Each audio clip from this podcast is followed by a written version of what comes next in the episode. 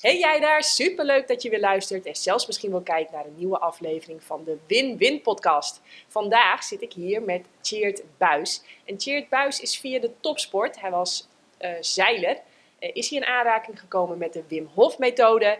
Hij uh, heeft een van de meest traditionele en ook zware, denk ik, yogaopleidingen in India voltooid. Hij is Wim Hof instructeur level 2 hij is met Sea Shepherd de zee op geweest om het zeeleven en uh, de zee te beschermen. Hij woont al negen jaar anti-kraak, een wereld waar ik helemaal niets van weet, maar waar ik wel meer zou over willen leren. Dus je snapt het, ik verheug me echt ontzettend op dit gesprek. Maar voordat we gaan beginnen, eerst het volgende. Vind je het werk wat ik maak gaaf? Bijvoorbeeld deze podcastshow of de blogs die ik schrijf, die zijn gratis en die blijven ook gratis. Maar als je naar jannekevandermeulen.nl gaat en dan zoekt naar de knop doneren, dan uh, kun je daar een bijdrage doen en ons team zo supporten. Heb je dat al gedaan? Echt ontzettend gaaf. Dankjewel. Yes, dat gezegd hebbende, welkom Tjeerd. Dankjewel. Leuk yes. om hier weer te zijn. Ja, ja ik weet niet, ik, ik zat nog eventjes te denken, hoe hebben wij elkaar eigenlijk ontmoet?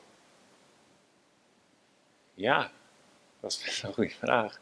Door de boeken volgens mij. Ja, ik denk het ook. En doordat we allebei veel sporten en altijd bezig zijn met gezondheid. En ja, hoe kan je nou de beste versie van jezelf worden eigenlijk? Ja. Dat denk ik. Ja.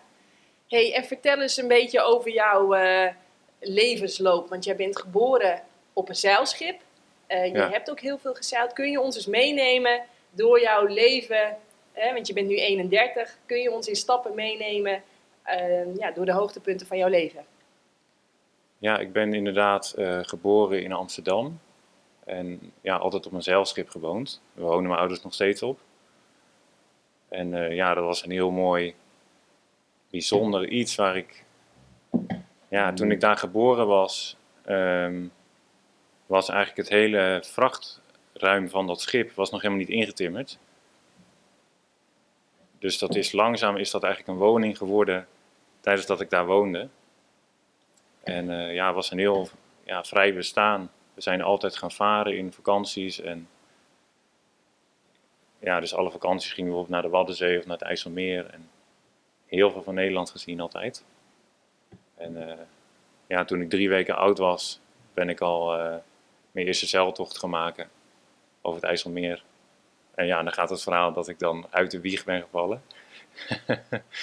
en dat, dat het toch nog goed is met, toch nog aardig goed is gekomen met mij. maar ja, dus dat is echt met de paplepel ingegoten dat ik altijd uh, in de natuur was, met de elementen bezig en uh, ja, lekker buiten in de wind. Dus dat, uh, ja, een paar keer verhuisd ook met dat schip. Maar dan hoef je dus alleen maar ergens anders heen te varen en heb je gewoon alles bij je. Ook op vakantie kon ik gewoon altijd thuis slapen, waar we ook waren. Maar. Dus dat, uh, ja, dat, dat heeft me denk ik heel veel vrijheid gebracht. En ja, dat ik gewoon open-minded blijf, omdat ik zo niet echt vastzit aan één plek. En ja, heel vrij opgevoed. Ja. Ja. ja, mooi. En wanneer ben je met dat, met dat zeilen in aanraking gekomen? Ja, eigenlijk dus al heel vroeg, omdat ik letterlijk op een zeilschip uh, opgegroeid ben. Ja, maar, als ik, ik, maar, ik, ken een beetje die vrachtschepen, die zijn soms wel 100 meter lang. En ja. uh, die moet je echt met een team zeilen. Maar volgens mij heb jij echt op katamaran en zo wedstrijd gezeild. Nou, dat ja, was geen katamaran, maar een, uh, wel een monohull. Dus zeg maar één, één boot. Ik zeg, een katamaran is eigenlijk twee boten met een netje ertussen. Maar uh, ja, dat is... Ik, ik begon met, met kleine boten zeilen thuis, want dat vonden mijn ouders leuk om mij eens een bootje te zetten, kijken wat er gebeurt. En uh, ja, dat, dat vond ik toen al heel leuk. En toen ben ik bij de scouting ook gaan zeilen. Ja. ja, ik doe van alles de scouting, maar ik vond dan het zeilen vooral leuk. En dit was uh, echt een waterscouting. En ehm, ja, uiteindelijk hebben we een, een advertentie gezien in een tijdschrift, waar ze dus mensen vroegen om eh, meer te gaan trainen in het zeilen en, en wedstrijden te gaan zeilen. En, want dan wilden ze een uh, kledingmerk wilden ze, wilden ze gaan promoten daarmee. Om een soort geschiedenis eh, te maken voor dat kledingmerk. Dus zij hadden twintig van die boten gekocht. En dan konden mensen zich gewoon inschrijven. En wij dachten, oh leuk, la- laten we dit proberen. En toen, eh, ja, toen kwamen we daar voor de eerste keer. Want ja, je kon je gewoon aanmelden. Maakt niet uit wat voor ervaring je had met zeilen of met wedstrijden of wat dan ook. En ehm, ja, toen, toen kwamen we daar dus. En iedereen had helemaal Gaastra-kleding aan en, dure laarzen en dikke auto en heel wetsuitpak en, en echt heel fancy allemaal. En wij hadden echt geen idee. Want ja, dat had ik nog nooit gedaan. In zo'n open, snelle boot gevaren. Waar je echt wedstrijden mee kan doen. En dat er allemaal trainers en coaches bij zijn. En ja, dat was voor ons echt totaal nieuw. Maar ja, die boot was zo eh, nieuw in Nederland. Dat het sowieso heel uitdagend was voor iedereen. En die sloeg gewoon heel snel om. Wat was het voor boot? Eh, Een 29 heette Oh dat. ja, 29. Dat is heel moeilijk. Ja. En dat was, ja, toen was die boot nog heel nieuw. Hij, hij werd toen geïntroduceerd in Nederland. En ehm, ja, volgens mij wist überhaupt nog niet veel mensen op de wereld hoe je dat ding zeg maar, goed kon varen. En ehm, ja, ik, ik was altijd al opgevoed met een soort doorzettingsvermogen dat ik, dat ik niet zomaar op zou geven. Dus ik ben heel veel omgeslagen met die boot. Misschien wel een half jaar dat we alleen maar omsloegen en, en af en toe even konden zeilen en dan, dan gingen we weer op onze bek met die boot. Maar dat, dat had ik dus. Ik ging dat samen met mijn broer eh, doen. Dat was een tweepersoons zeilboot. Maar dat hadden ook mensen die dus, nou ja, fancy kleding droegen en heel veel poeha hadden, zeg maar. En, eh, en allemaal andere wedstrijden hadden gevaren. Die gingen ook gewoon omslaan met die boot. En ja, dat was gewoon doorzetten, doorzetten, doorzetten. De hele tijd. En uiteindelijk ben ik dus wel in dat wereldje gekomen. En dat was trouwens op mijn veertiende dat ik ben begonnen met, dat, met die wedstrijden. Maar in het begin, ik kon helemaal niet in de buurt van de startlijn komen. Dat, dat, ja, maar dat lukte al niet. Maar dan kreeg ik wel allemaal tips van mijn trainer. Van ja, je moet zo kijken naar de winddraaiingen. En, en je moet aan die kant van de startlijn starten enzovoort. Maar ik kon helemaal niet in de buurt komen daar. Maar ja, langzaam toch doorgezet. En, en mijn ouders brachten me altijd overal naartoe. Om overal te trainen en, en wedstrijden te doen en zo. En, eh, ja, dat, dat vond ik gewoon superleuk om te doen. En hoe lang heeft het uiteindelijk geduurd voordat jij die boot onder controle had? Want een 29 ik weet het, het is super lastig. Ja, ik denk toch wel iets van drie kwart jaar. Voordat ik dan echt een baantje rond kon zeilen. Want ja, je hebt echt met zo'n boot. eh, en later ben ik dan naar de 14 einde gegaan. Dat is weer nou ja, de, de Olympische klasse, dus de, de boot die daarop volgt, zeg maar. Maar je hebt heel snel dat die boot eigenlijk met jou er vandoor gaat. In plaats van dat jij hem onder controle hebt. Als het een beetje waait, dan, eh, ja, dan word je echt geleefd en, en je moet echt rennen door die boot. En het is heel fysiek, maar je moet ook je focus goed erbij houden. Dus ja, ik, ik belandde helemaal in het wereldje en ik heb een tijdje in het soort Olympische circuit gezeten. Waar het dus allemaal wedstrijden afgingen, ook internationaal en zo. Ja, was heel bijzonder en echt heel veel passie voor gehad. En ik werd ook gewoon enorm gesteund, nogmaals door mijn ouders, maar ik deed dat samen met mijn broer en uiteindelijk ehm, is mijn broer ja, gaan studeren in eh, Wageningen op de universiteit. En die kreeg het eigenlijk zo druk daarmee dat hij ja, niet meer mee kon doen met, het, met de trainers. Toen zijn wij zeg maar uit elkaar gegaan. En toen heb ik met allemaal andere mensen heb ik nog getraind. Ja, je moet heel erg op elkaar ingespeeld zijn voor het zeilen. En uiteindelijk hoef je bijna niks meer tegen elkaar te zeggen. Het gaat zo, zo vanzelf als, als team. En eh, ja, dat is dus wel lastig om dan weer met iemand anders te beginnen en dat weer opnieuw te krijgen. Dus zo ben ik eigenlijk ja, van maatje naar maatje gegaan. En dat was best wel lastig om weer op dat niveau zeg maar, terug te komen. Maar eh, ja, uiteindelijk heb ik nog wel hele mooie wedstrijden en zo meegedaan daarin. En wat Dus is, eh, wat is je meest memorabele prestatie? Iets waar je. Ik, ik heb bijvoorbeeld, ik heb ook wedstrijden gewonnen. Ja, die, die, ja, die, die hebben helemaal misschien wel niet heel veel. eh, ja, hoe moet ik dat nou even zeggen? Die staan niet hoog aangeschreven, maar voor mij zijn ze wel bijzonder of ja, belangrijk. Voor mij zit daar een mooi verhaal omheen. Heb jij dat ook? Ja, dat is op zich wel een grappig verhaal. Want ik denk dat dat eigenlijk het Nederlands kampioenschap was. Waar ik dus eh, derde ben geworden van Nederland. En dan stond ik daar op een podium en ik, er stonden heel veel mensen te kijken en ik kreeg applaus en ik had echt zo'n lint om en zo. Maar volgens mij deden er maar vier mensen mee.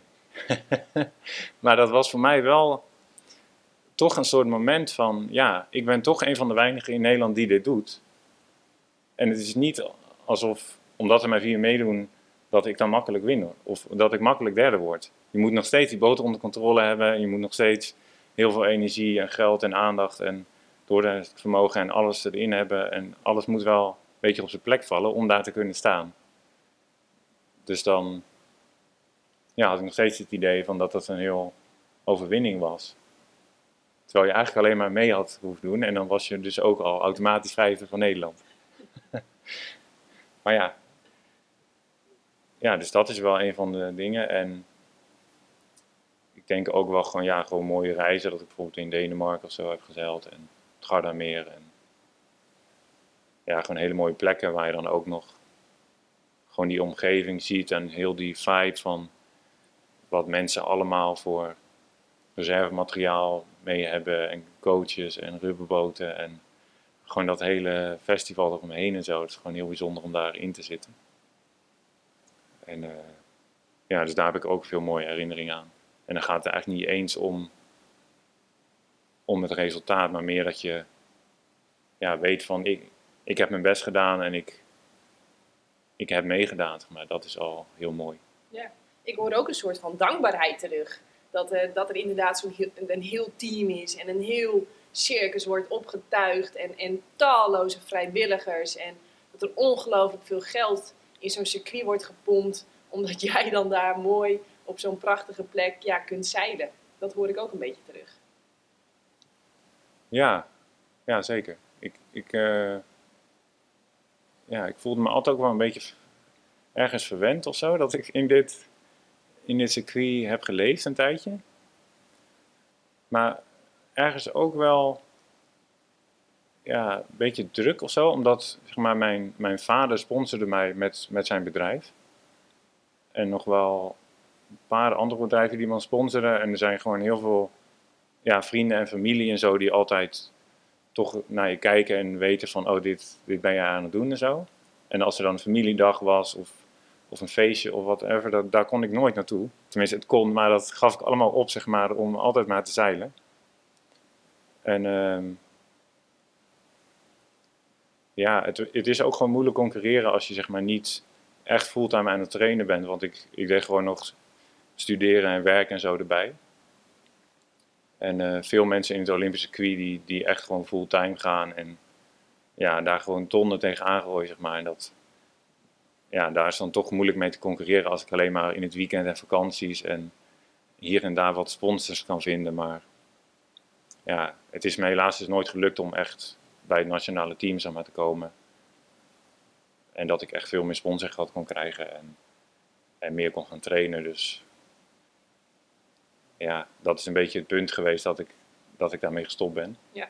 En dat ik ook ja, dus steeds meer merkte dat ik eigenlijk te goed tegen mijn verlies kan. En dat ik ook echt anderen moet wasbomen. En, en dat ik vooral ook moet, moet willen dat anderen verliezen om te kunnen winnen. En dat begon me eigenlijk steeds meer een beetje tegen te staan. En dat ja, het best wel een klein wereldje is waar iedereen toch heel veel zeg maar, met zichzelf bezig is. En dat je dan ja, bijvoorbeeld niet samen mee mocht trainen met het nationale team. En dat zij allemaal informatie hadden over hoe je die boot sneller kan laten gaan. Maar dat mochten wij dan niet weten. En dat was, weet je, denk ik, ja. Ik ging altijd mensen helpen met de boot optuigen en, en klussen aan hun boot. En, en dat we echt, zeg maar, samen gingen trainen. En er kwamen altijd mensen naar mij toe van, oh, heb je nog dit schroefje, heb je nog dit boutje, heb je nog dat touwtje of elastiekje, of kan je even helpen met mijn zeilhijs en zo. En ik hielp altijd iedereen. En ik had altijd ja, een grote auto van mijn vader voor met onderdelen. Dus dat, daar stond ik een beetje onbekend. Dat ik er gewoon altijd was en altijd kon helpen. En uiteindelijk dacht ik, ja, er zijn niet veel andere mensen die dat doen. Iedereen is toch vooral voor zijn eigen bezig. En dat uh, ging me eigenlijk steeds meer tegenstaan. Dus Maar dit was ook Ja. het moment dat, dat Wim Hof in jouw leven kwam. Ja. Kun je daar iets over vertellen? Want daar heb, jij, ben je wel echt, heb je ook flink op doorgepakt. Ja. je hebt expedities gedaan. En eh, kun, je dat, kun je daar eens iets over vertellen? Over eh, wat je van Wim hebt geleerd en of de, ja, je belangrijkste inzichten van Wim en wat je dat Hm. heeft gebracht? Ja, ik ging dus in die, in die tijd, een beetje de laatste jaren dat ik eh, dat zeilen deed, ging ik echt op onderzoek uit van hé, hey, waar, waar kan ik nou eh, nog meer halen om, om het beste uit mezelf te halen. Dus nou, mentaal, fysiek, emotioneel, hoe kan ik sneller herstellen. Dus ik ben dan ja, voeding gaan onderzoeken en veel yoga gedaan, crossfit gedaan. Ja, meditatie, spiritualiteit, alles onderzocht. En toen ja, veel podcasts geluisterd over zelfontwikkeling en zo. En toen kwam ik dus op een podcast met Wim Hof. En die vertelde wat hij allemaal kon bereiken, wat voor records hij haalde en zo. Ja, die man is nu 65 volgens mij. Maar ja, dit is dus, eh, nou ja, laten we zeggen dat hij toen 55 of zo was. En wat hij allemaal kon, gewoon een marathon rennen met min 20. En eh, op blote voeten door de sneeuw, ja. En een korte broek. eh, de Mount Everest beklimmen en Kilimanjaro in recordtijd opgaan. En ja, hij heeft volgens mij 1 uur en 53 minuten in een bak met ijs gestaan. En allemaal dingen dat ik dacht van, hè, hoe kan dit? Zeg maar, hoe, hoe doet die man dat? En hij zei gewoon, ja, dan moet je gewoon gaan ademen en de kou opzoeken. En dan, ja, dat, dat is niet bijzonder dat ik dat kan, maar dat kan iedereen. Dus toen dacht ik, wow, dit, dit, dit, moet ik proberen. Want ik, ja, ik probeer gewoon te streven naar de, de beste versie in mij. En eh, ja, toen ben ik daar dus meteen eh, mee aan de slag gegaan. En ik merkte gewoon heel goed ja, dat ik daar meer energie van kreeg en meer focus. En eh, ja, dat, dat dat me heel erg heeft geholpen. Dus bij dat sporten ook. En ehm, Ja, maar ik heb, ik heb ook echt een aantal trainingen met Wim gedaan en ook met Wim zelf. Maar ik heb het idee dat jij het wel net iets serieuzer hebt aangepakt dan dat ik het heb aangepakt. Kun je daar iets over vertellen? Volgens mij ging jij iedere dag ademen. En iedere dag bijna een ijsbad op de zee in. En, en kun je daar Ja. iets over vertellen? Ja, ik eh, woonde toen in Scheveningen. En eh, toen zag ik allemaal mensen daar ook in de zee gaan. En die kwamen echt helemaal rood als kreeften weer eh, uit het water. En ja, ik, ik, ik, ik vond dat heel raar. Maar ja, toen ontdekte ik dus Wim Hof. En toen, eh, toen begon het al een beetje eh, ja, in te dagen van wa- waarom je dat nou zou willen. En toen ben ik daar dus bij aangesloten. En ja, ik voelde me elke keer gewoon zo goed.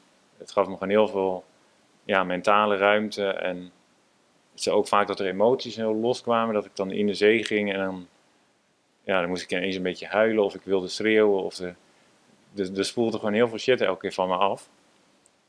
En ehm, ja, met het ademen ook. Ja, als ik ergens voor ga, dan, dan ga ik er helemaal in en dan kijk ik gewoon helemaal wat, wat daarin te halen valt. En ehm, ja, toen ontdekte ik eh, het, ijsbadhuis in Scheveningen. En daar deden ze elke week woensdagavond een ijsbad en een lange ademsessie en soms een beetje yoga-oefeningen zo erbij. Dus daar ging toen iedere week naartoe. En eh, ja, ik weet nog dat ik toen dus in een anti-kraakhuis woonde. Waar ik dus eh, geen verwarming had. En volgens mij lag er ook geen vloer in. Ja, er was gewoon een betonnen vloer.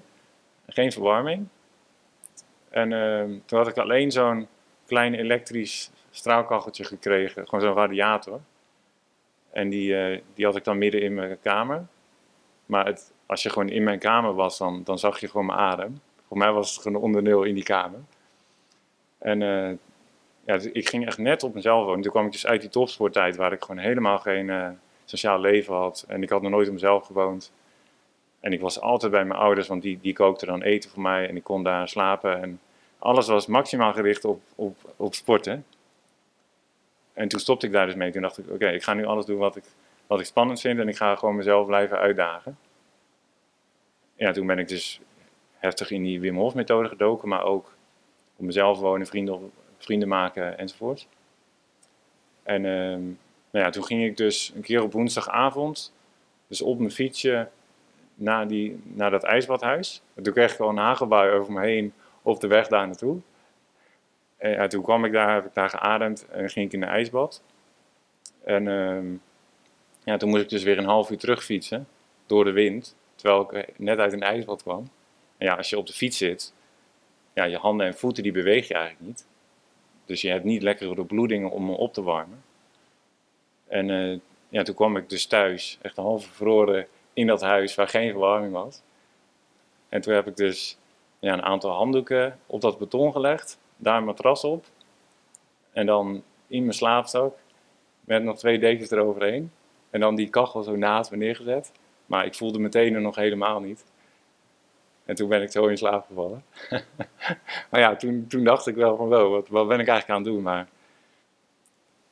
ja, dat, dat soort dingen hebben me toch wel gevormd, denk ik, of zo. Dat ik, ja, ik heb altijd een soort van, uh, ik, ik, noem dat, ja, dat heb ik weer van David Goggins geleerd. Dat is zo'n motivatiespreker, dat je zeg maar je cookie jar hebt. Dus dan heb je eigenlijk een pot met allemaal ervaringen. En elke keer als het zwaar wordt in het leven, dan kan je daar ja, een ervaring uittrekken. Van, oh, ik heb dit doorstaan, ik heb dit doorstaan. Dus in vergelijking met dat valt het eigenlijk wel mee wat ik nu meemaak. Ja, en zo word je eigenlijk steeds weerbaarder. Ja, kan je gewoon steeds meer deelnemen aan het leven in plaats van uh, ja, dat je van alles moet gaan vermijden omdat het eng wordt.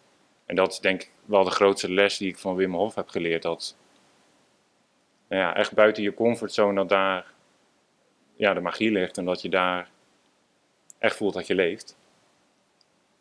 En dat dat, ja, die, die angst, dat, dat je dat ja, gewoon als een soort vriend kan zien, als een les van hé, hey, hier valt veel te halen en hier ja, kan ik echt voelen dat ik leef. Dus als ik nu, uh, ja zeg maar, ik, geef nu workshops in die Wim Hof methode. Dus dan sta ik voor groepen en het wordt ook steeds meer voor bedrijven en zo.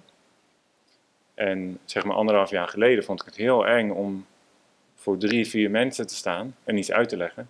Ook omdat ik gewoon nooit een sociaal leven had met die topsport. In ieder geval nauwelijks. En uh, als ik nu voor zijn groep moet gaan staan, ja, dan, dan komt die spanning en die angst weer een beetje. Maar dan denk ik, hé, hey, daar is mijn vriend weer. Gezellig, kom erbij. Maar dan laat ik me daar niet meer door kleineren, zeg maar. En ja, dan ga ik daar gewoon heen en adem ik even rustig. En dan, dan kan ik een soort van die switch maken van, nou ja, ik, ik praat dan heel vaak in termen van het zenuwstelsel. Van je hebt een actiestand en een ruststand. Heel simpel uitgelegd. En uh, ja, dat, dat, ik nu steeds beter die switch kan maken. Nee, ik voel dat ik in die stress ga, maar ik kan gewoon ervoor kiezen, met mijn mindset, maar ook met mijn adem, om te switchen naar die rust. Dus ik, ik ga nu voor zo'n groep staan. Nou, dan kost dat maar even twee seconden, even een trucje. En dan ben ik weer ja, in die rust. En wat is je trucje? Ja, dat is gewoon, eigenlijk is dat een mindset van, ja, dat het, ja, het is moeilijk uit te leggen. Ik denk. Want je bent heel vriendelijk voor je angst. Je zegt, hé, hey, wat leuk, daar ben je weer, je bent mijn vriend. Ja. Dus je zegt, hey, je doet eigenlijk precies het tegenovergestelde van wat de meeste mensen doen. De meeste mensen hm. denken, fuck, mijn hartslag gaat omhoog, het grijpt me naar de keel, ik krijg vlekken in mijn nek, dit moet stoppen, echt straks zien mensen mij. En jij nodigt het bijna uit. Jij zegt, hé, hey, wat leuk, je bent er. Ja. Ja, dat vertel ik zo'n beetje bij iedere workshop. Dan vraag ik aan mensen van, uh, ja, als je aan stress denkt, wat, wat, wat komt er dan in je op? En eigenlijk hoor ik altijd alleen maar negatieve verhalen van, ja, dat is slecht voor je gezondheid en uh, ja, dat, dat helpt je niet verder en zo. En, en dat zit in de weg. En ja, ik, ik heb ook wel bij die ademopleidingen zo geleerd van, er is eigenlijk geen uh, slechte staat van zijn. Alles wat er in je lichaam gebeurt, ja, dat is door miljoenen jaren evolutie is dat overgebleven als zeg maar een van de nuttige functies. En ja, stress is er gewoon om jou te helpen om met het leven te dealen. En ook angst enzovoort. En ja, als je dat alleen al ziet als een hulpje, dat scheelt een hoop. Want eh, als je daar heel negatieve gedachten aan vastmaakt en associaties, dan, ja, dat, dan, dan wordt het ook iets bedreigends. Als je naar dat gevoel toe beweegt en je denkt, oh, dit is er om mij te helpen, maar nou ja, zo heftig hoeft nou ook weer niet. En je kan daar rustig doorheen ademen. Ja, dan, dan kan je dat eigenlijk in je voordeel gebruiken, zeg maar, die stress. Nou, er is natuurlijk een groot verschil tussen even kortstondige stress om met het leven te dealen en dat je heel de dag in chronische stress zit. Hetzelfde met ontsteking of zo.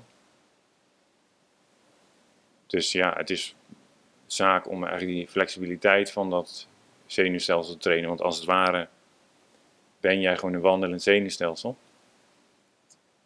En ja, ik denk dat de meeste mensen, nou ja, chronisch zeg maar vastzitten in een soort halve aanstand. En als ze even inkakken, dan is het heel makkelijk om koffie te pakken of suiker of te gaan scrollen of om toch weer die, die, uh, die oppepper te krijgen. Want ja, dat kan gewoon heel verslavend zijn om de hele tijd in die stress te leven. Want je, ja, je hebt dan gewoon minder lichaamsbewustzijn. Dus je voelt even niet van, hé, hey, ik ben eigenlijk moe. Of ik heb pijn in mijn rug of pijn in mijn nek. Of, ja. En ik zeg dan vaak, stress eigenlijk ja, alsof er zeg maar, een beer achter je aan zit. Dus je bent dan, of je gaat vechten tegen die beer, ja, of je moet ervan wegrennen. En dan is het niet de tijd om nou ja, rustig je, je eten te verteren, of te voelen dat je moe bent, of uh, ja, in verbinding te zijn met andere mensen. Want dat is allemaal niet aan de orde als jij een beer op je af hebt. Ja. Heb, jij met, uh, heb jij met Wim Hof ook je pijnappelklieren eventjes schoon geademd? Heeft hij dat bij jullie ook gedaan? Ja, we doen wel vaak dat je. Uh, ja, je gaat bij de Wim Hof methode zeg maar een tijdje uh, sneller ademen in een ritme. Waardoor je dus meer in die actiestand komt van je zenuwstelsel. En daarna heb je eigenlijk een periode retentie, dat je niet ademt. En dan zak je dus weer helemaal in die rust. Dus zo zoek je een beetje de uithoeken van je systeem op. En dan na die periode van rust, van niet ademen, dan adem je helemaal in. Ja, dan komt er overal weer zuurstof in al je cellen in één keer. En als je die adem vasthoudt, en ja, dan kan je je spieren aanspannen om zeg maar die, ja, die lucht naar een bepaald deel in jouw lichaam te sturen. En als je dat ja, naar je pijnappelklier stuurt, Wim noemt dat uh, de fijnappelklier. Maar dan, uh, als je daar druk op zet, ja, ik heb zelf nog nooit gehad dat ik echt kleurtjes ging zien of zo. Maar dat hoor ik wel heel vaak bij mijn workshops. ja, ik had het ook direct. Ja, dat mensen echt allemaal ja, visioenen kunnen krijgen en lichten en kleurtjes. En ik heb zelf vooral dat ik dan een beetje moet shaken en dat er wat spanning uit mijn lichaam gaat. Maar ja, je kan gewoon heel veel doen met aandacht. Ook als je een bepaald uh, pijn hebt ergens in je lichaam. Of ja, als je daar naartoe ademt, dan merk ik ook wel dat dat, dat dat gewoon helpt. Ik weet niet of het zuiver wetenschappelijk is, maar dat doet eigenlijk voor mij niet zoveel toe. Ik vind het altijd leuk om een beetje die twee werelden te combineren van meer spiritualiteit en, en wetenschap. Want ja, het, ik denk dat het gewoon een balans is. Als je in een van de twee uitersten gaat, dan, dan kan je daar een beetje verdwaald in raken. Maar uh, ja, ik, ik hou eigenlijk altijd die beide bij elkaar. Dan vind ik het leuk. Ja, nee, heel herkenbaar. Ik denk dat daar waar wetenschap eindigt, daar begint spiritualiteit. En je ziet ook dat iedere wetenschapper aan het eind van zijn carrière altijd iets zei van, ja, ik weet nu heel veel, maar ik kan dit eigenlijk alleen maar met behulp van poëzie uitdrukken. Of uh, ja, dat, dat, in al die traditionele leren en spirituele leren, die, die, die pakken vaak waar, waar, ja, waar wetenschap het eigenlijk niet meer kan, kan uh, vatten. Dus ja, uh, ja dat, ik vind dat ook heel interessant, die twee werelden. Hey, en um, Sea Shepherd, want jij bent ook nog de zee op gegaan. Ja. Ja, dat is ook geweest net nadat ik stopte met die sport. Ehm, ja, dat was eigenlijk al een lange droom van mij. Omdat, ik weet niet of we daar ook nog over gaan hebben, maar dat heeft ook met, uh, te maken met wat ik ontdekt had over voeding. En daar, kwam ook een stuk uh, ethiek bij en, en uh, ja, wat, wat, wat beter is voor het milieu en zeg maar voor de voedselverdeling in de wereld. En ja, er komt van alles bij. En ik, ik, grappig trouwens, want ik ben nog steeds een beetje van mening dat ik zeg maar de, de naam heb bedacht van deze podcast en van jouw boek. Want uh, ik weet nog dat ik bij jou in, in Amsterdam was, in je oude huis. En dat we toen allemaal gesprekken hadden ook over voeding en zo. En ik zei van ja, als je nou ja, plantaardig gaat eten, oftewel veganistisch, ja, dat, dat dat echt een win-win is. Want het is en een win voor de dieren, en voor je gezondheid, en voor het milieu, en voor de voedselverdeling. En ja, noem het maar op. En iedereen wint. Dus toen zei ik, ja, dat is echt een win-win. En ik weet nog dat jij toen, oh, dat moet ik opschrijven, dat is een goeie. En nu is dat volgens mij de naam geworden. dus dat is nog steeds leuk. Maar goed. Um, ja, toen heb ik veel uh, activisme ook gedaan voor de dieren en zo rond die tijd. Dus ik stond af en toe ja, voor slachthuizen of uh, handtekeningen verzamelen tegen dierproeven. En ja, flyers uitdelen over plantaardig eten. En ik heb nog ja, bij, tegen de bondenindustrie opgetreden en allerlei dingen. Maar ja, mijn, mijn hart ligt toch altijd bij het water en bij de zee en, en de zeedieren. En omdat ik vroeger ook veel op de Waddenzee was, ja, ik heb toen ook krabben gevangen en zo. Toen, toen wist ik nog niet beter, maar kokkels en allemaal garnalen gevangen. En uh, ja, dat, dat zou ik dus nu nooit meer doen. Maar uh, dacht ik, ja, er is eigenlijk zo weinig aandacht voor die zeedieren juist. Want het, het gaat heel vaak over, over koeien en varkens en kippen en zo. Ja, dat is ook in Nederland wel het, de grootste industrie, maar... Uh, ja, ik wilde toch graag gewoon ja, meer de oceaanleven beschermen. En daar, hoor je relatief weinig over. Terwijl daar ook, ja, dat heeft nu ook weer te maken met hoe ik helemaal in die ademwereld ben beland. Maar ongeveer 70% van de zuurstof komt ook uit de oceaan. En heel veel mensen weten dat ook niet. Die zeggen, ja, de oerwouden zijn echt de longen van de aarde. Maar ja, toen ben ik dus uh, in aanraking gekomen met uh, Sea Shepherd. Dus ik heb online allemaal formulieren ingevuld van wat dan je ervaring is. En dan moest je echt van alles opgeven van kan je lassen, kan je helikopter vliegen, kan je eten koken, kan je zeilen. Ja, wat kan je allemaal? En uh, ja, ik ben onder andere ook elektricien op boten. Dat doet mijn vader ook en daar ben ik, ja, daar heb ik een opleiding in gedaan, dus op school.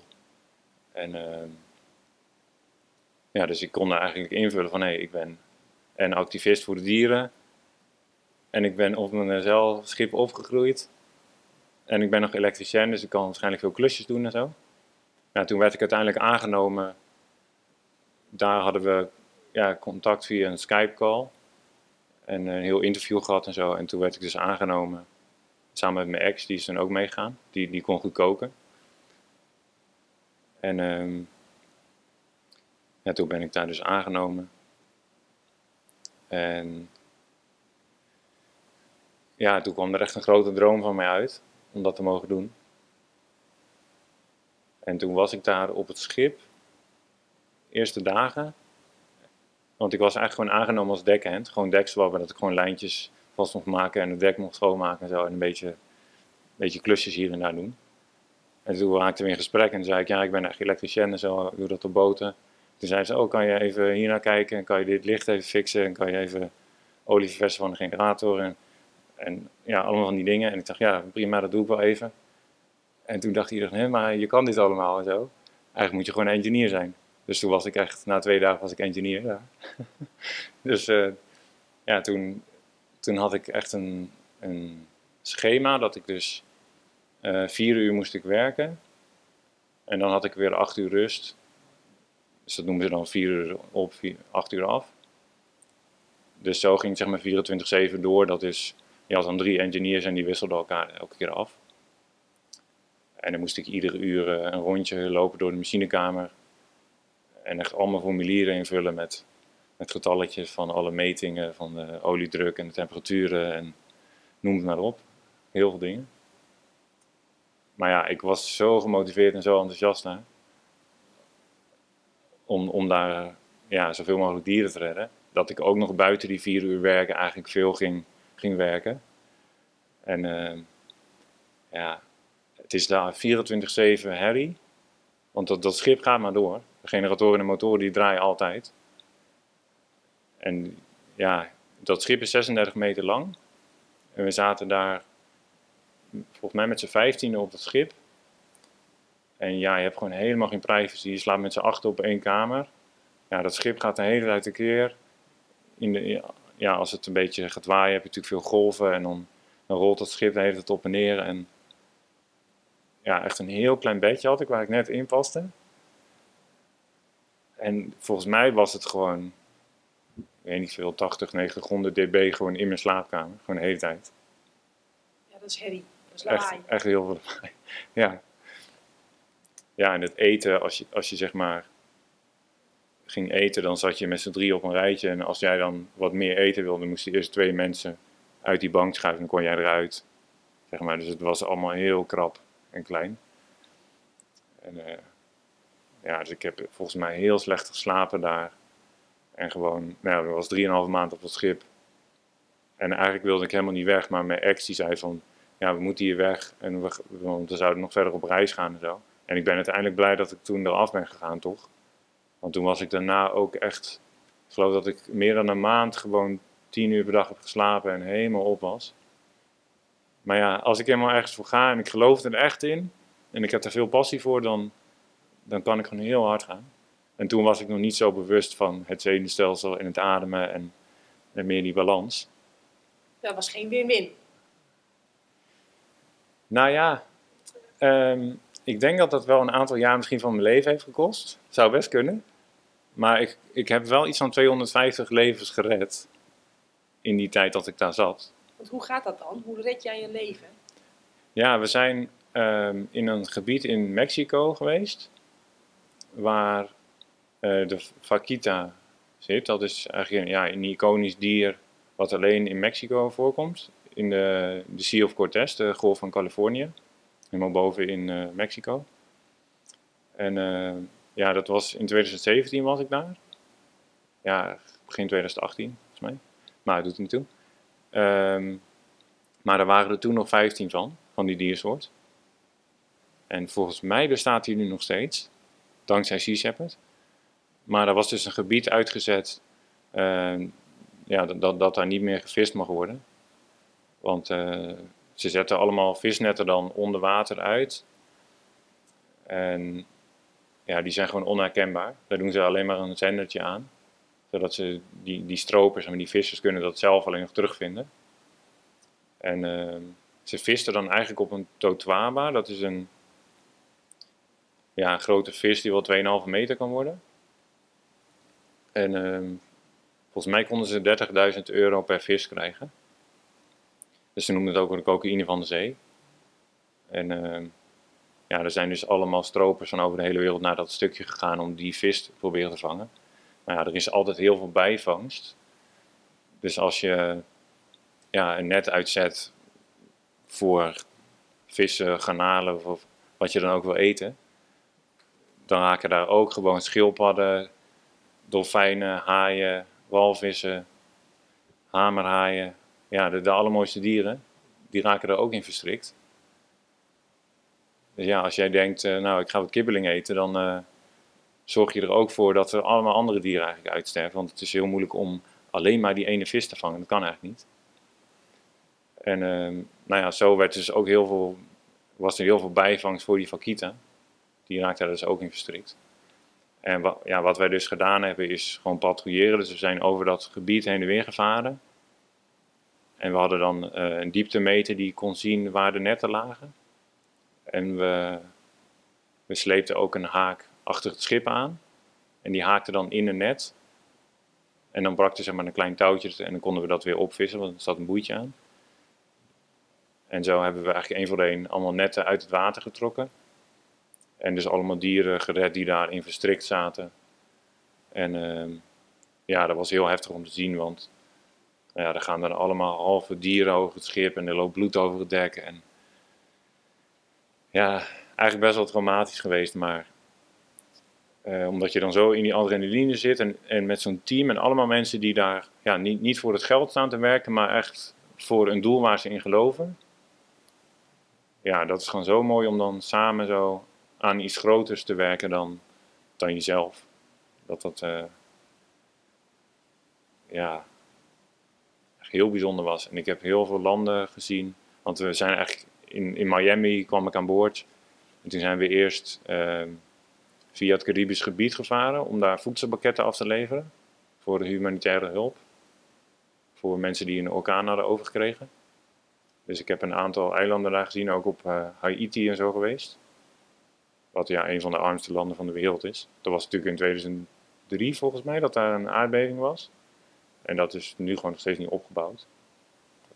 Ja, er is nou even zo'n inzamelingsactie op tv, maar dat zet niet echt zo aan de rijk volgens mij. Maar goed, dat is weer een ander verhaal. Um, ja, dus heel veel landen gezien, heel veel meegemaakt. En ja, een hele bijzondere tijd geweest. Hoe, hoe, uh, hoe zorg je ervoor dat je herstelt van zo'n zo'n al, al die indrukken, al die slechte nachten, dat slechte eten, om hem even tussen haakjes. Het gebrek aan privacy, uh, alles wat je ziet. En ja, ik, ik, ik kan me ook voorstellen, die mensen, dat, dat, zijn, dat zijn eigenlijk ook geen daders. Dat zijn eigenlijk ook slachtoffers die uit een wanhoop maar netten kopen en dat proberen zo vis te vangen en zo geld te verdienen. Wat, wat, hoe herstel je daarvan? Ja, dat heeft toch vooral veel tijd nodig volgens mij. Ja, heel veel rust nemen en, en ja, heel veel erover praten. Want ik, ik had toen zoveel meegemaakt tijdens die reis. En ook daarna ben ik nog in Costa Rica nog een maand geweest en nog naar Venetië gegaan. En ja, heel veel meegemaakt. En toen toen zat ik helemaal geblokkeerd en ik raakte in een soort paranoia en ik was helemaal van slag. En toen weet ik nog dat ik bij mijn ouders thuis kwam en toen begon ik te praten over wat ik had meegemaakt. Toen kwam er zoveel los en echt urenlang, dagenlang alleen maar gepraat. Ja, en daar ben ik heel erg van hersteld. Toen kwam ik er eigenlijk helemaal uit. Gewoon door toch te delen wat ik dan meemaak. Want ik, ik kon dat niet zo goed met mijn partner delen, omdat hij dezelfde dingen had meegemaakt. En het is dan zo'n andere wereld dan waar je normaal in zit. Dat, ja, dat, dat, heb ik ook in die ademopleiding geleerd, dat dat ja, co-regulatie heet. Dat, dat je eigenlijk de beste manier om, om tot rust te komen, dus zelf, maar ook in je zenuwstelsel, is om gewoon je te omringen met mensen die, die tot rust zijn. Zodat jouw systeem eigenlijk inziet van hé, hey, er, dreigt hier helemaal geen gevaar. Want er zit hier, als je bijvoorbeeld in een, in een cafeetje of zo gaat werken op je laptop, ja, daar zitten allemaal mensen die gewoon rustig zijn en chill, over het algemeen. Dus dan word jij ook zo. Want eh, ja, daar kan je gewoon zien dat er geen gevaar dreigt. Dus dat doe ik nog steeds als ik gestrest ben. Dan ga ik met iemand praten of ik bel iemand op. Of ik ga gewoon rustig door de stad fietsen. En dan zie ik van, oh, het maakt eigenlijk niet zoveel uit wat ik doe. Want de wereld draait gewoon lekker door. En mensen zijn gewoon rustig. dus uh, ja, zo kan je dat dan ook wel goed reguleren. En dat zit ook allemaal, je kan het ook heel wetenschappelijk uitleggen, dat je gewoon eigenlijk als je iemand zijn gezichtsuitdrukking ziet en die is heel ontspannen, dan, ja, dan wordt jouw systeem daar automatisch ook ontspannen van. Dus ik probeer me ook altijd te omringen met mensen die, nou ja, ook gewoon blij zijn en, en open in het leven staan, zeg maar. En uh, ja, dat, dat, ik, dat ik niet per se de, de, de slimste in de kamer ben, maar dat er ook nog mensen zijn die een stapje verder zijn met dingen waar ik naartoe wil groeien. En dat, dat, ja, dan geeft het altijd inspiratie en rust. En... Maar ja, dat is nog steeds wat ik, waar ik mezelf aan moet herinneren, dat ik echt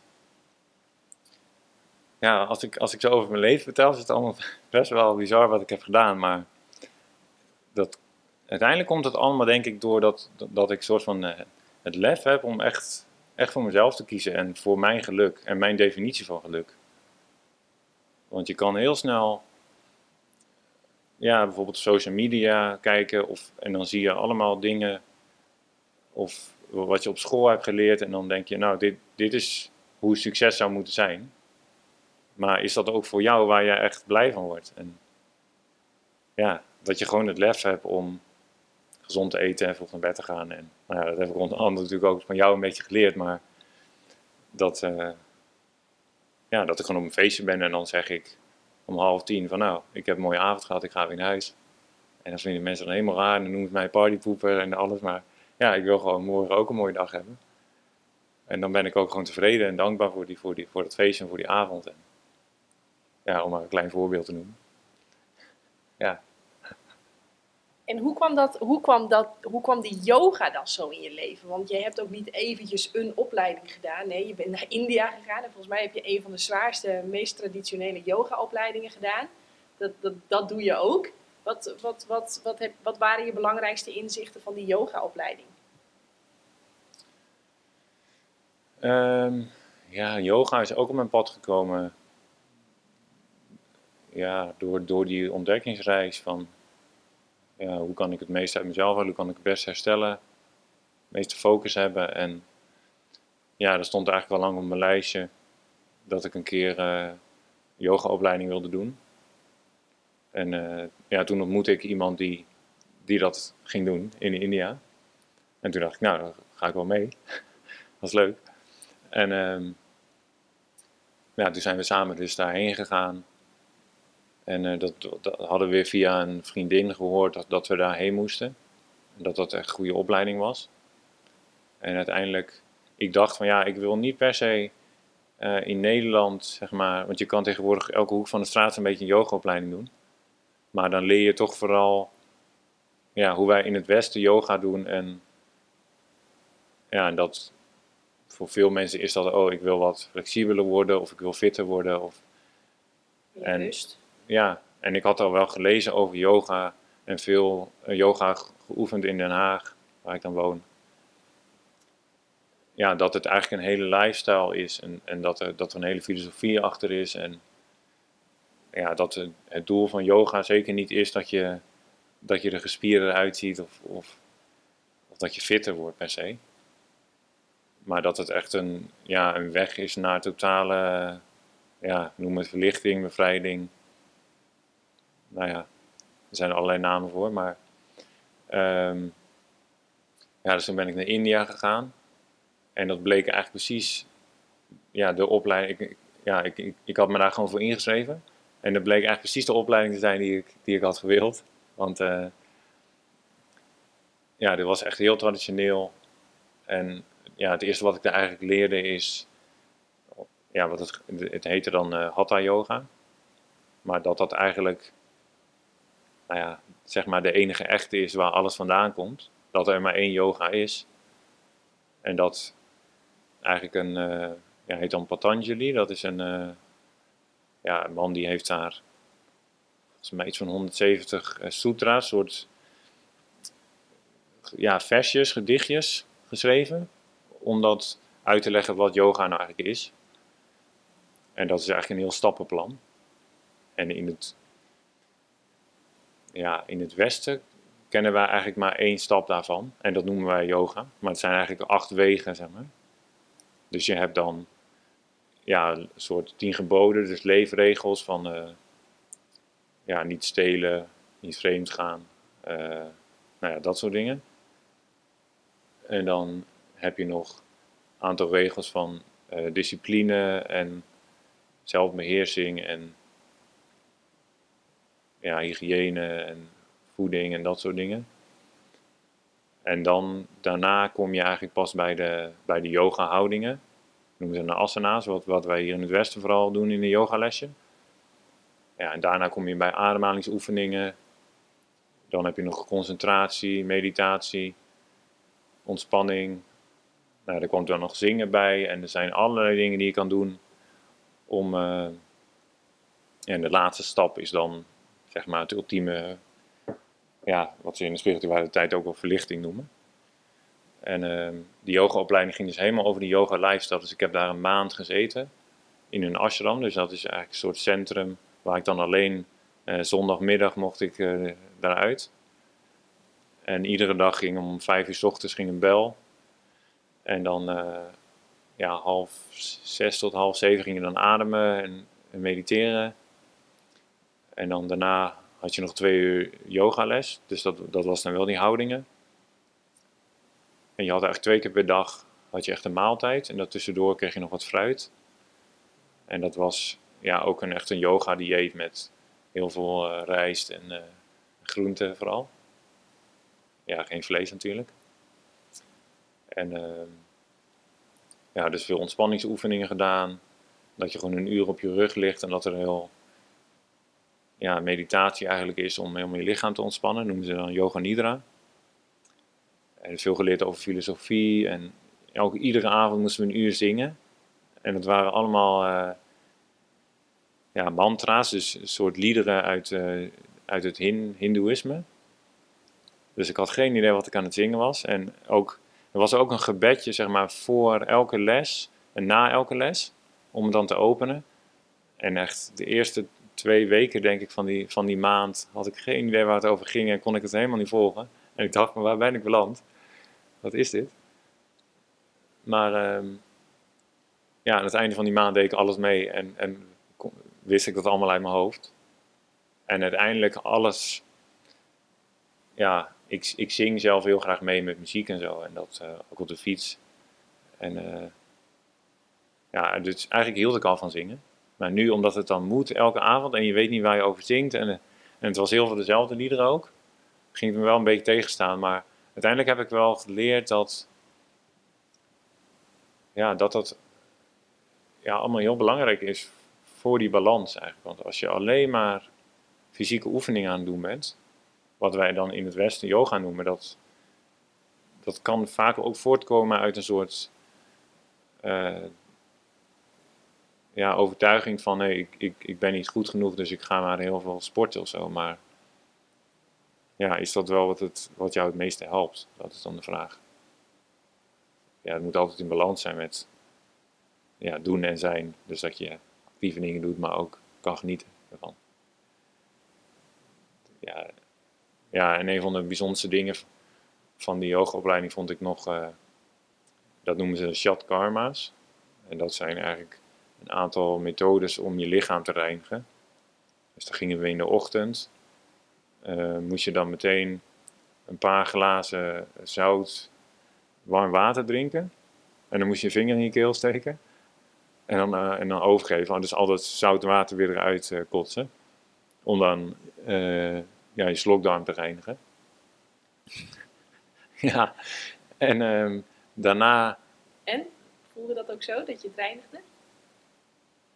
Nou, toen, toen ik dat voor de eerste keer deed, zeg maar, er zit zo'n associatie bij mij van als ik moet overgeven, dan, dan ben ik ziek.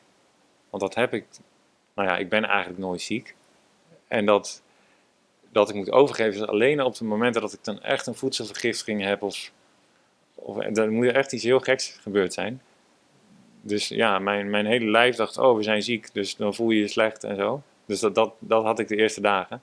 Maar daarna ja, leerde ik ook wel hoe, je, hoe ik makkelijker kon overgeven. maar ja, dan stond ik daar dus om half zes ochtends. stond je daar met 25 mensen op een rijtje in een weiland allemaal over te geven. Zo. Iedereen zijn vinger in zijn keel te steken. waar ben ik nu weer beland? Maar ja, dat, dat heb ik wel vaker in mijn leven. Dat ik denk, van, waar ben ik beland? Ja, dat, dat is wel... Ja, wat het leven weer spijs geeft. Of, ja, ik vind dat mooi om mezelf te blijven uitdagen. Gekke dingen te doen. En daarna, als je dan het overgeeft, dan had je een soort rubber touwtje wat je dan in je neusgat invoert. En dan, en dan blijf je dat erin steken en dan komt het langzaam, voel je het in je keel komen. Oh, vreselijk. Dus dan, dan, pak je met je middelvinger en je wijsvinger, steek je in je mond en dan kan je dat touwtje zo weer daar eruit trekken.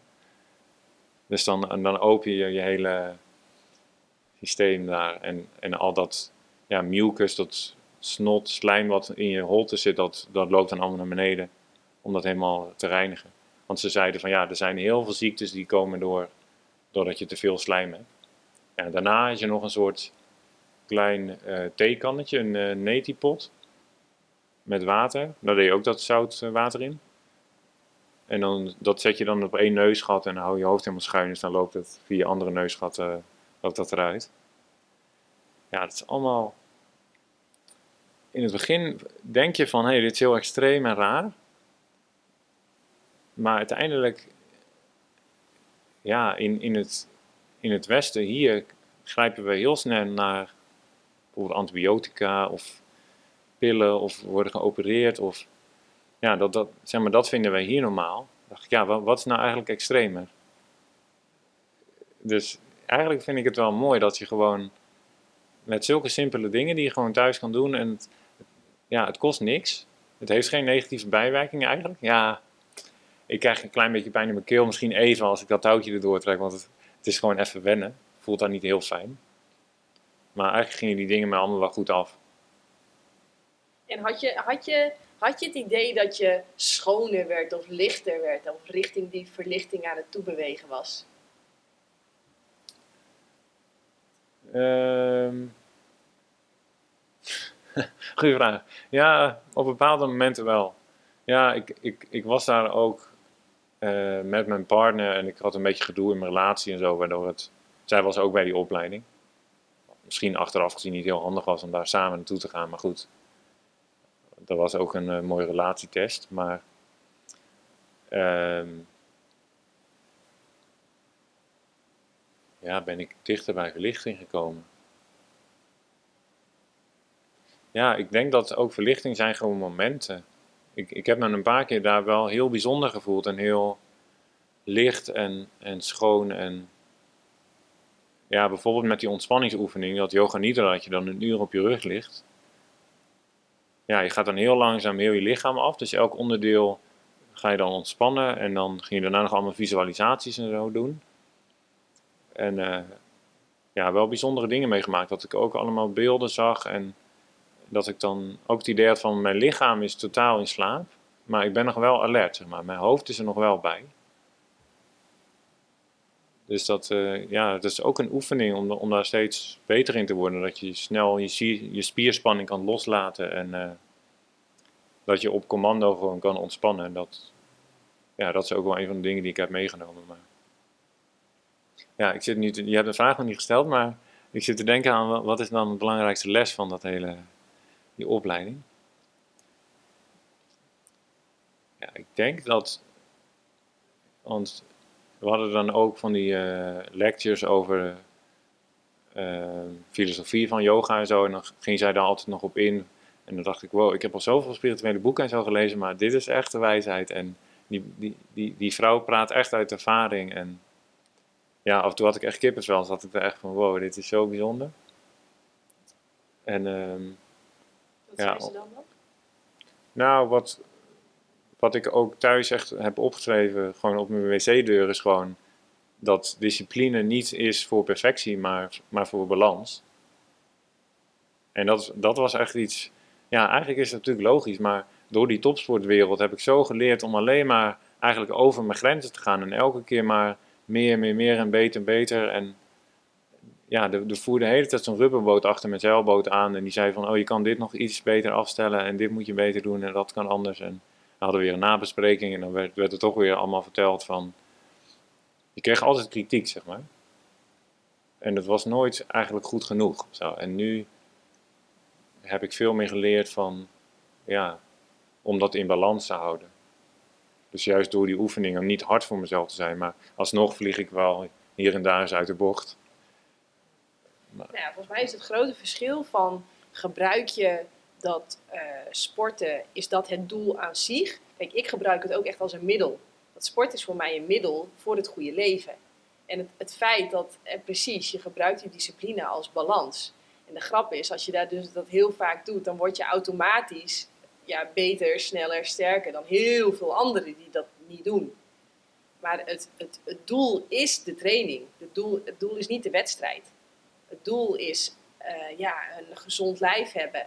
Uh, het even in je lijf zakken uit je hoofd. Het doel is buiten zijn, zonlicht absorberen, uh, bewegen. Dat is het doel. Ja. Ja. Ik, ik ben... Bedoelde zij dat ook? Ja, zij zei dat ze zelf daar ook in verdwaald was. Want zij heeft altijd, volgens mij vanaf de achtste race yoga. En heel veel kampioenschap heb je dan ook weer in India voor yoga. Terwijl ik heb dus juist geleerd van dat is niet het doel van yoga. Dat je gaat concurreren met elkaar en dat het een, een fysieke eh, ja, competitie wordt, zeg maar. Maar zij heeft dus wel allemaal wedstrijden gedaan en, en steeds ingewikkeldere houdingen en allebei de benen in de nek en ja, noem maar op. De gekste dingen. En toen ging ze dus ja, echt naar een guru die dan heel ver in die yoga was. En eh, die, die zei van, ja, nu, nu moet je kappen met al die moeilijke oefeningen en al die eh, heftige yoga en zo. En jij moet meer gaan zingen en meer gaan, uh, gaan uitrusten en zo. En toen is ze dat eens gaan doen. En toen kwam ze eigenlijk veel verder in haar pad en dus veel meer in balans. En ze zei ook van, ja, wat we in het Westen waarschijnlijk het best kunnen gebruiken is, is vooral, nou ja, dat, meer, dat je meer vertrouwen hebt, zeg maar, in het, in het geheel. In plaats van nog harder pushen. Want, nou ja, er is nu een beetje een beweging, zeg maar, weg van de religie. Want we hadden altijd, ja, de religies om, om een samenkomst te hebben en een vertrouwen in een groter geheel van, ja, daar leef ik voor en ik. Ja, en nu wordt het steeds meer iedereen op zichzelf en we weten, ja, de zingeving is weg. We weten niet meer waarvoor we het doen. En ja, er komen volgens mij steeds meer spirituele mensen die niet religieus zijn. En die dan toch zoeken naar iets van een gemeenschap of een, ja, een soort van kerkdienst, zeg maar, zonder dat het per se in een kerk hoeft te zijn. En dat uh, ja, heb ik dus ook wel geleerd in India met dat zingen en zo, dat ik daar steeds meer van ging houden. En dat je dan in het begin denk je, ja, ik ben net alsof ik eh, zeg maar vroeger met mijn ouders naar de kerk moest en ik moest allemaal liederen gaan zingen, dan heb je daar best wel weerstand op. Maar het, ja, het kan ook heel mooi zijn om dan. En ja, dit ging in het Hindoeïsme heb je dus heel veel verschillende goden. Volgens mij hebben ze miljoenen goden. En heb je voor elke. Ja, je hebt bijvoorbeeld een god van discipline en een god van het geld. En uh, vooral van de vrouwelijke energie en van, nou ja, noem maar op. Je hebt overal wel een god van. En als je dan moeilijkheden hebt in, in dat onderdeel van je leven, bijvoorbeeld vruchtbaarheid of zo, heb je ook een god van. Nou ja, dan kan je daar dus naar gaan bidden, naar die. Maar dat is niet dat je dan bidt naar iets externs, maar dat zijn eigenlijk allemaal dingen in jezelf, waar je dus naar bidt. Van hé, ik wil dit meer in mezelf. En dat, ja, dat is ook waarom ik een beetje weerstand heb op religie, dat je dat toch weer buiten jezelf gaat leggen. En ik geloof wel in nou ja, het plan van het universum of zo, dat, dat er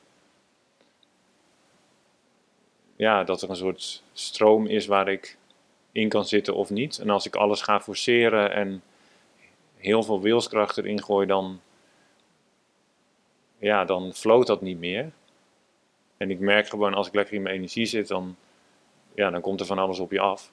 Ja, dat kan je manifestatiekracht noemen, of het wordt ook steeds meer wetenschappelijk bewezen. Als je bijvoorbeeld Joe Dispenza of zo kijkt, dan uh, heb ik me ook in verdiept. Dat is uh, ook heel interessant. Maar ja, om echt in die, in die stroom te blijven van het leven, dat, dat is voor mij eigenlijk meer religieus dan, dan dat ik me ergens aan commit aan iets wat dan buiten mezelf zit. Ik geloof weer ja, veel meer in die innerlijke kracht. En dat heb ik ook door die ijsbaden en die adem en zo ontdekt. Dat het eigenlijk allemaal van binnen zit. Ja. Mooi. Mooi einde. Want dat is het inderdaad. Ik bedoel, uh, heel veel mensen oriënteren non-stop extern. dus die proberen buiten zichzelf de boel te fixen. Maar uiteindelijk is het volgens mij ja, de weg naar binnen. het klinkt zo zweverig. Maar uh, als, je, als je no matter what hè, contact kunt maken met de vrede in jezelf, die er altijd is, ja, dan ben je natuurlijk, daar kunnen, daar kunnen geen dollars, medailles, grote huizen of grote Ja. auto's tegenop. Dat, eh, dat is hem. Ja. Ja. Ik had ook nog opgeschreven dat je ook een keer tien dagen helemaal stil bent geweest. Ja. ja, dat was ook een bijzondere ervaring, ja. Ehm, ja, toen ben ik, dat heette Vipassana. Ik ben dan een tiendaagse meditatie gaan doen, dat was in België. En ehm, ja, ik weet nog dat een vriend tegen mij zei van... eh, Is, zo, is zo'n opleiding gratis? Sorry, even snel tussendoor. Ja. Ja, want dat, dat, dat, daar kun je gewoon gratis naartoe. Ik, ik weet niet wie dan het eten en drinken betaalt, maar... ja, dat is allemaal op de donatie gebaseerd. Oké, dus er zijn mensen die we denken, wow, dit was zo life-changing. Eh, ik ga eventjes een smak geld overmaken. Ja, precies. Ja. Ja, ik heb zelf ook een donatie gedaan aan het einde. Maar ehm, ja, ik weet nog dat een vriend zei van, als je daarheen gaat, dan, dan moet je niet van tevoren inlezen wat het is en zo. Maar gewoon heen gaan met een open mind en gewoon erin gaan. Dus nou, heb ik dat gedaan. Dus ik kwam daar en ik... Volgens mij wist ik wel dat ik ging mediteren, maar verder had ik echt geen idee wat ik ging doen. Dus ik kwam daar en ik moest gelijk mijn telefoon inleveren en alles inleveren. En ehm, ja, ik, dus dan mag je tien dagen niet schrijven, geen boek lezen, geen muziek. Ja, je, je krijgt twee keer per dag te eten. En ehm, verder zit je gewoon tien, tien uur per dag zit je stil op een kussentje. En ehm, ja, dus zeg maar alle entertainment die wij hier normaal gesproken hebben, die, die is even helemaal weg. Dus je bent echt totaal op jezelf aangewezen. Ja, en toen kwam ik net uit die topsportwereld waar het alleen maar ja, nuttig zijn. En, en de hele tijd gaan, gaan, gaan. De hele tijd verbeteren, verbeteren. En ja, veel eten, veel bewegen, gewoon alleen maar daarmee bezig. En toen kwam ik daar en ik kon helemaal niks. Dus ik werd totaal met mezelf geconfronteerd. Ik werd helemaal gek. Omdat ik dacht, ja, ik zit hier tien dagen gewoon mijn tijd te verdoen. En ik ben totaal niet nuttig bezig en ik, ik kan niet, niet bewegen. Want je mag alleen maar een klein rondje wandelen. Je mag ook niet sporten of yoga houdingen doen of je eigen ademoefeningen of niks. Het is echt, je mag alleen maar hun methode doen. En eh, ja, ik ging daar dus voor het eerst in die zaal zitten. Want je hebt dan, eh, mannen en vrouwen zijn ook gescheiden. Dus ik zat daar in die zaal en werd een soort audio opgezet. En dan begint ineens, ja, allemaal rare geluiden. En, het- en het was uiteindelijk een soort, ja, daar ben ik nu dan achter gekomen. Dat het eigenlijk een, eh, ook liederen waren uit het boeddhisme of zo. En dan denk je, wat, wat hoor ik? Ja, nogmaals, waar ben ik nu weer beland? En ehm, toen zei hij van, ja, oké, je gaat nu kijken hoe je adem naar binnen komt door je neusgat en hoe het weer naar buiten gaat door je neusgat. En that's it. Ga je gang. En dan was het gewoon de komende acht uur of zo was het stil.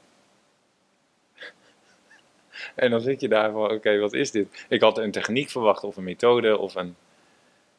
Ja, wij willen toch graag betalen voor informatie of voor een methode of een handboek of iets. Maar dit was alleen maar observeer wat er nu aanwezig is, hoe je adem naar binnen gaat, hoe die weer naar buiten gaat. En dat was het. Nou, de- ja, dat, dat hou je misschien 10 seconden vol. En dan komen er allemaal gedachten weer. En ja, ik, ik, ik heb een keer van iemand gelezen die zei dan nou, het is net alsof je, zeg maar, eh, je hebt een kasteel en jij, jij staat bij de poort, je te bewaken. Dat is zeg maar je neusgat. Maar na, en dan komen wel allemaal mensen, maar na 10 seconden ben je alweer van je post verdwenen. En dan kunnen mensen zo naar binnen lopen. Want dan zijn die gedachten er weer. Dus het is heel moeilijk om die poort te bewaken en daar echt met je aandacht bij te blijven. Ja, dat was dus enorm veel concentratie. En er was ook gewoon een fysieke uitdaging om dan zoveel stil te zitten. Want ik, ik was helemaal niet goed in stilzitten. Ik wil juist lekker veel bewegen en sporten en daar voel ik me goed bij. En ehm, ja, ik kreeg zoveel last van mijn benen en mijn knieën en zo. En je hebt dan, ja, toen heb ik dus zo'n interviewtje aangevraagd dat ik naar die leraar toe mocht om hem vragen te stellen. Dus ik ging daarheen en ik zei, ja, ik heb zoveel last van mijn benen en zo, dit, dit kan niet goed zijn. Zoveel pijn. En hij zei van, ja, dat, is normaal, dat, dat, hoort er eenmaal bij, die pijn. Ja, maar... En hij zei, ja, dan moet je gewoon dat wegmediteren. Dan ga je daar gewoon op observeren, die pijn. en dan gaat het vanzelf weg. Oké. dus, dus dat ging ik proberen. Nou, het werd wel veel minder, die pijn. En dat, want ze zeiden van 100% van jouw geluk is mentaal. Dat ligt in je hoofd. Ja, dat vond ik best wel een, uh, een bold statement, zeg maar. Maar ja, ik kon dus ook merken dat die pijn ook enorm afneemt. Als je daar niet ja, van weg wil en een soort negatieve associatie mee maakt. Maar dat je dat gewoon kan observeren en denkt, hé, hey, dit is oké en prima. Maar ja, uiteindelijk kreeg ik toch wel zoveel last. Dat ik ook tijdens, de, tijdens die wandelingen daar en zo niet lekker meer ging. Dus toen ging ik weer naar die leraar en zeiden, ja oké, het is niet de bedoeling dat je echt geblesseerd raakt. Dus dan kreeg ik wel een soort ander bankje waar ik dan op kon zitten. Dat ik wel rechterop kon zitten. Dat was wel fijn. Maar uh, ja, heel veel van geleerd daar. Je leert dan zo waar je eigenlijk allemaal aan verslaafd bent. Gewoon in al die entertainment, die afleiding. Gewoon boeken lezen, eten wanneer je wil. Al die keuzes die je kan maken. En, gewoon muziek luisteren. En, ja. Het opvallende vond ik dat uh, je, je, je, klinkt niet heel enthousiast over die tien dagen. Maar toch zei je laatst, ik wil daar toch wel graag weer naar terug. ja. Wat is dat dan? Ja, toen ik daar uitkwam uit die tien dagen, want ik had er toch weer, een, ja, een paar dagen wilde ik echt daar weg. En er gingen ook wel wat mensen naar huis. Terwijl dat heel erg goed afgeraden, maar ik ben toch op wilskracht ben ik daar gebleven. Vanuit mijn topsportmentaliteit, oké, ik mag niet opgeven. Dus ik, ben, ik heb het toch die tien dagen volgehouden. En uh, ik voelde daarna zoveel rust gewoon eigenlijk niks wat extern op mij afkwam. Dat kon mij echt nog ja, raken op een negatieve zin. Maar ook als ik somber was, dan was het gewoon mooi. En dan kon ik dat ook zien van, oh, dit, is, dit komt nu langs en dat is helemaal prima. En eigenlijk dat hele spectrum van emoties en dingen, dat, dat werd allemaal met een soort ja, onderstroom van, van rust of van vrede. En dat, uh, ja, af en toe als ik nu in de stress ga of ik ga me druk maken over de dingen, dan denk ik daar weer aan terug van hé, hey, ik, ik voel niet meer echt die, die onderliggende rust die ik toen had, had ervaren. En, dat, uh, en ik denk ook dat ik nu zo totaal anders in het leven sta dan, ja, wat is het, vijf jaar geleden dat ik die cursus deed.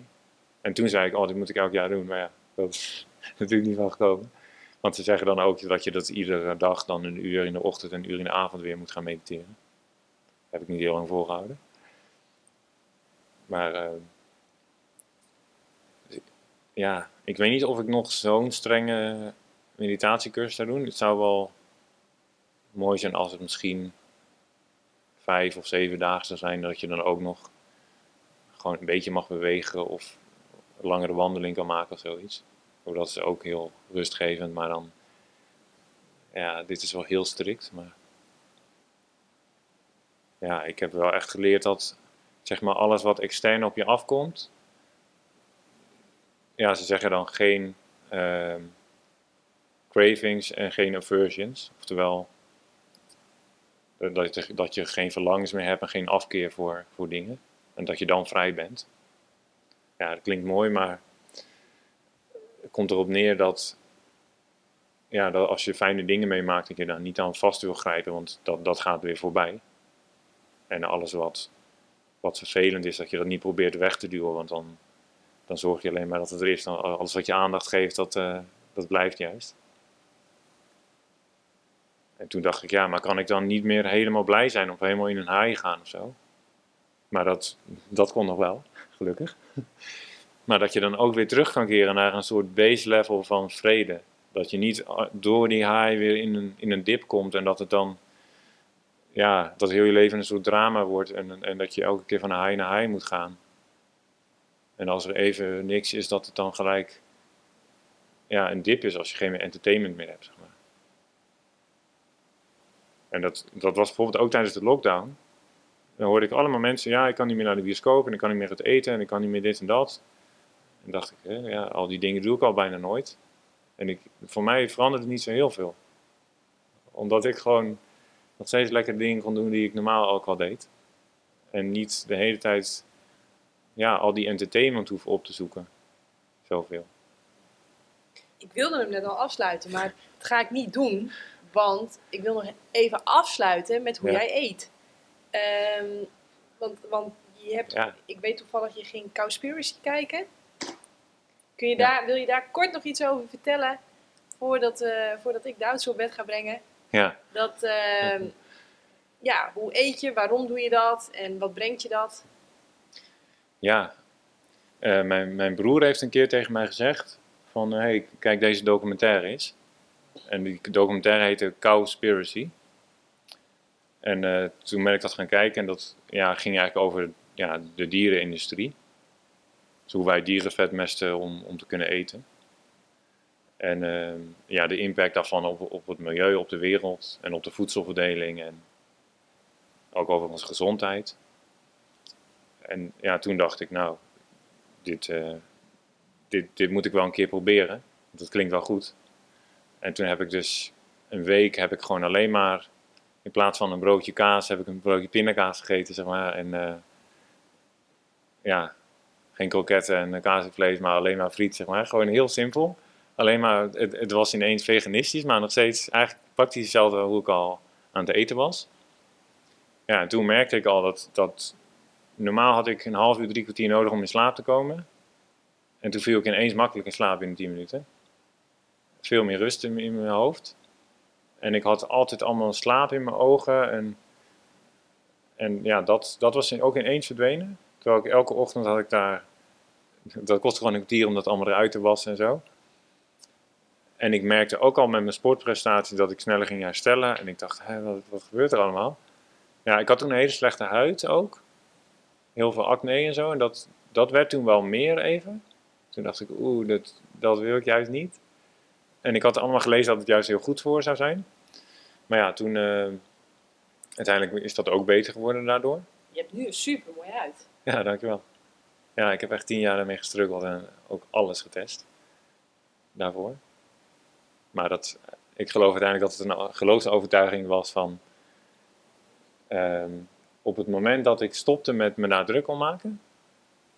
en dus eigenlijk overal bang voor was, want ik, ik dacht, ja, als ik dit eet, dan is het daar slecht voor. Als ik dit doe, is het daar slecht voor. Als ik slecht slaap, is het daar slecht voor. En ik ging alles bijhouden van wat helpt en wat niet. En op het moment dacht ik oké, het kan me echt geen fuck meer schelen wat mensen van me vinden. Ik ga gewoon door de wereld en het maakt niet meer uit. Toen ging het over. maar ja, waarom eet ik hoe ik nu eet? Ehm, ja, ik ben dus begonnen voor mijn, voor mijn sportprestaties daarmee. En ik deed dat helemaal niet voor de dieren of voor het milieu eigenlijk. Dat was le- leuk dat het erbij kwam, maar ik had daar niet zo heel veel mee. En ehm, ja, toen ben ik ook nog een keer tien dagen op een boerderij gaan werken. Op een soort eh, sanctuary waar ze dieren opvangen uit de bio-industrie en die hier dan gered zijn uit uh, dierproefcentra en zo. Ja, en toen maakte ik echt een connectie met dieren.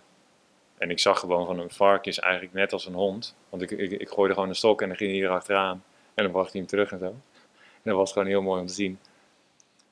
En ehm, ja, toen, toen ben ik het eigenlijk steeds meer voor de dieren gaan doen. Want ik dacht, ja, ik kan niet meer meehelpen aan een industrie die gewoon zo destructief is voor de wereld. En ook nog ja, erachter gekomen dat gewoon dierlijke producten heel schadelijk zijn voor je gezondheid. En ik dacht, ja, als wij geweld zo normaliseren eigenlijk in de industrie, hoe, hoe kunnen we dan ja, zeggen dat we in vrede willen leven op de wereld? En terwijl er gewoon, ik weet niet of het nog steeds zo is, maar toen hoorde je van die cijfers van er gaan duizend dieren per minuut in Nederland alleen, wordt zeg maar een keel doorgesneden. En ik dacht, ja, dit, dit kan niet, dat, dat, ik, dat dit gewoon achter gesloten deuren, zeg maar, je, je, je ziet er niks van. Maar dat is gewoon gaande. En ja, daar, wilde ik gewoon echt niet meer aan meewerken. En ja, als ik ook alle voordelen in mijn lijf voel, dan, dan is dat gewoon win-win. dus uh, ja. En ja, volgens mij heb ik rond die tijd jou ontmoet. En toen, ja, ik hield altijd al van fruit. En dat, dat ben ik steeds meer gaan eten. En uh, ja, voordat ik hier naar de podcast kwam, heb ik ook weer een groen smoothiebakje gegeten. En ja, ik voel me er altijd gewoon super goed bij. En het is heel makkelijk ook. Je kan het gewoon zo, het is gewoon fastfood. Je kan gewoon zo fruit eten en ik heb er altijd zin in. En ik, ik hoef ook eigenlijk niet echt te koken of zo. Vaak eet ik gewoon een salade en dan gooi ik gewoon allemaal lekkere dingen bij elkaar.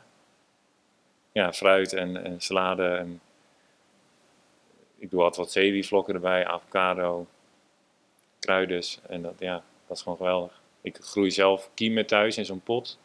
Ik maak dan uh, alfalfa zaadjes, doe ik uh, ontkiemen. Dat is ook heel makkelijk. Ja, je loopt alleen met kilo's fruit dus jou elke keer, maar dat is wel de moeite waard, vind ik. Ja, dat uh, geeft me heel veel energie en ook betere slaapkwaliteit en gewoon rust. Super fijn. En dat komt er in de praktijk op neer dat ik eigenlijk ja, tot vijf uur s middags altijd ja, rauw eet toevallig. En dat is dus vooral fruit en uh, salades en zo, en smoothies. En dan uh, in de avond kook ik soms wel iets, iets of ik ga ergens eten. Of ik hou ook gewoon ervan als mensen lekker voor me koken. Van curry's of zo vind ik ook heerlijk. Maar heel herkenbaar. Ja, dat uh, ja. eet ik zelf dus niet heel vaak. Nee, maar als iemand ja. anders het maakt, dan smaakt het altijd goed. ja, en, en rotti en zo eet ik ook wel graag. Zulke dingen. Dus ik probeer er ook niet super strikt mee te zijn. Maar ja, met alles wat ik doe, dan zeggen mensen: hoe kan je zoveel discipline hebben om en ademoefeningen te doen, en meditatie, en sporten, en, en wandelen, en gezond eten, en iedere dag koude douches. En ja, dat, voor mij is dat gewoon normaal. En ik, ik, ik word er blij van en ik geniet ervan. En het, het is niet alsof ik nou heel strikt voor mezelf ben. Oh, dit mag ik niet eten en ik moet elke dag dit en zo. Want nee, dat, dat doe ik graag en ik word er blij van. En het gaat vanzelf. Het wordt eigenlijk een soort routine en ik, ja, ik eet gewoon raar bananen. ja. ja, mooi. mooi. Ik, wat ik me nog wel afvraag is, dan ben je in zo'n yogacenter um, waar ze veel gekookt, veel rijst, veel pulvruchten, veel groenten en relatief weinig fruit, heb ik dat goed gehoord? Ja, ja tussendoor dan... krijgen jullie wel fruit. Ja. Wat, wat voel jij dan fysiek? Of ja, je dat wel... ook gewoon niet meer? Ik heb ook wel eens namelijk, dan gaan we uh, uh, laatst nog, dan, dan, dan gaan we voor het roeien naar het buitenland. En dan zitten ja. we in een hotel. En dan ja, is er eigenlijk, nou ja, de, de, de twee derde is met dierlijke producten. En dan blijft er, blijven er nog een paar schalen over. Ja, dan eet ik gewoon heel veel aardappel, heel veel zoete aardappel, wat groente, wat, wat, wat ja, veganistische soep. Ja, het, het maakt me ook echt niet zoveel meer uit eigenlijk. Ik vind het wel heel fijn om een groene smoothie te hebben. En veel sinaasappelsap te kunnen drinken en wat bananen te kunnen eten. Maar als de rest gewoon, hè, dan gaat het een beetje richting het starch uh, diet. Ja, McDougall en zo. Ja, die. Ja. weet je, als ik dat even een weekje doe, ik, het maakt me niet zoveel meer uit. Hoe, hoe heb jij dat ervaren? Ja, zolang het maar ja, niet al te olieig is of, Ja. of zeg maar heel, heel zware dingen of inderdaad heel zout, dan, ja, dan, dan ga ik nog wel goed daarop. Maar ik merk dan wel dat ik gewoon een iets zwaarder gevoel heb en Ja. ja, dat ik nog liever bananen eet dan. Ja, ja, ik, dan een berg met Dat heb ik aardappelen. ook. Dat heb ik ook, Ja. ja. Maar het, het is wel zo dat ik dan nou ja, wat langer zeg maar, verzadigd ben of zo, denk ik. En bij fruit heb ik wel, ik hou wel trek of zo, maar dat, is, dat komt denk ik ook een beetje, zeg maar, dat, dat zware gevoel, dat onderdrukt ook wel emoties en zo, waardoor je denkt, oh lekker, ik zit even goed in mijn vel. Maar eigenlijk voel je gewoon zwaar en een beetje moeig en zo.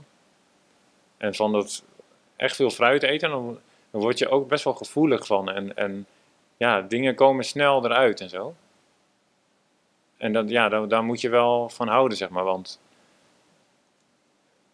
ja, ik had in het begin ook wel van, hey, zit ik nou eigenlijk wel vol en zo, maar ik heb geen trek meer. Maar het is een heel ander gevoel dan dat je brood eet en echt zo'n heel zwaar gevoel in je maag hebt. Dan denk je, oké, nu weet ik wel zeker dat ik vol zit. Maar ja, dat is, dat is wat we dan ja, bedacht hebben van, hé, hey, dit is een vol gevoel en dit niet. Maar het is ook niet lekker om zo zwaar vol te zitten. Dus. Mag ik jou heel erg bedanken, Tjeerd, Ja, voor je allereerste podcast. Met je bijzondere verhalen en allemaal gekke dingen die je allemaal doet en meemaakt. Ja, ik zit nu echt te denken, we zouden nog wel twee kunnen opnemen. Er Ja. zijn nog zoveel meer verhalen. Ja, er zijn nog veel verhalen. Ja, mooi. Maar we gaan hem afronden. Superleuk. Heel erg bedankt. En jij ook heel erg bedankt voor het luisteren. Je hebt zelfs misschien wel gekeken. Vind je dit gaaf? Deel het volop op je social media. Je mag ook naar jannekevandermeulen.nl gaan en dan zoeken naar de knop doneren. Janneke van der Meulen is ook de enige plek waar je het boek De Eiwitleugen kunt vinden. Eh, daarover. In dat boek vind je heel veel over fysieke en mentale gezondheid. En dan eh, ja, wil ik nu heel graag zeggen tot de volgende keer. Doei! Zou je eigenlijk wel meer plantaardig willen eten, maar heb je geen idee hoe je dat op een gezonde, verantwoorde manier voor jezelf en je gezin doet? Lees dan het boek De Eiwitleugen. Mijn naam is Janneke van der Meulen en in 2018 en 2022 werd ik wereldkampioen kustroeien. In 2021 werd ik na een energieke zwangerschap en soepele bevalling moeder van onze dochter. Alles op een dieet van fruit en planten. Kijk, je kunt nog zoveel diploma's hebben, geluk, talent, connecties, geld. Maar energie is uiteindelijk wat het verschil maakt voor resultaat. In het boek De Eiwitleugen deel ik daarom alleen maar de allerbeste wetenschap voor optimale gezondheid, fysiek en mentaal. Dus bestel het boek nu via jannekevandermeulen.nl.